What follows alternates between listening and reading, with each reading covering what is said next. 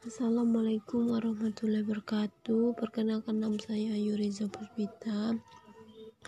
Pokcer Arga Makmur Semester 4 Saya akan menyampaikan materi tentang Sejarah komunikasi. Sejak zaman dahulu kala komunikasi secara tertulis sudah mulai dilakukan. Ada surat yang ditulis pada daun lontar.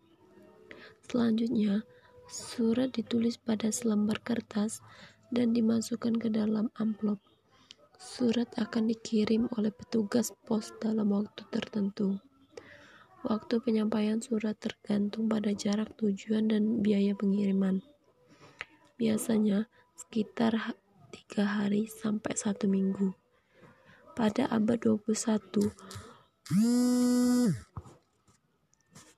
mulai dikenal surat elektronik atau surel. Surel dikirim melalui jaringan internet dengan alat bantu komputer. Melalui surel, pesan dapat diterima di tempat tujuan sesaat setelah dikirim. Tentu saja hal tersebut sangat membantu komunikasi. Kini, surel bukan lagi satu-satunya alat komunikasi yang cepat Melalui telepon seluler, kita dapat berkirim pesan menggunakan aplikasi pesan singkat atau disebut dengan SMS.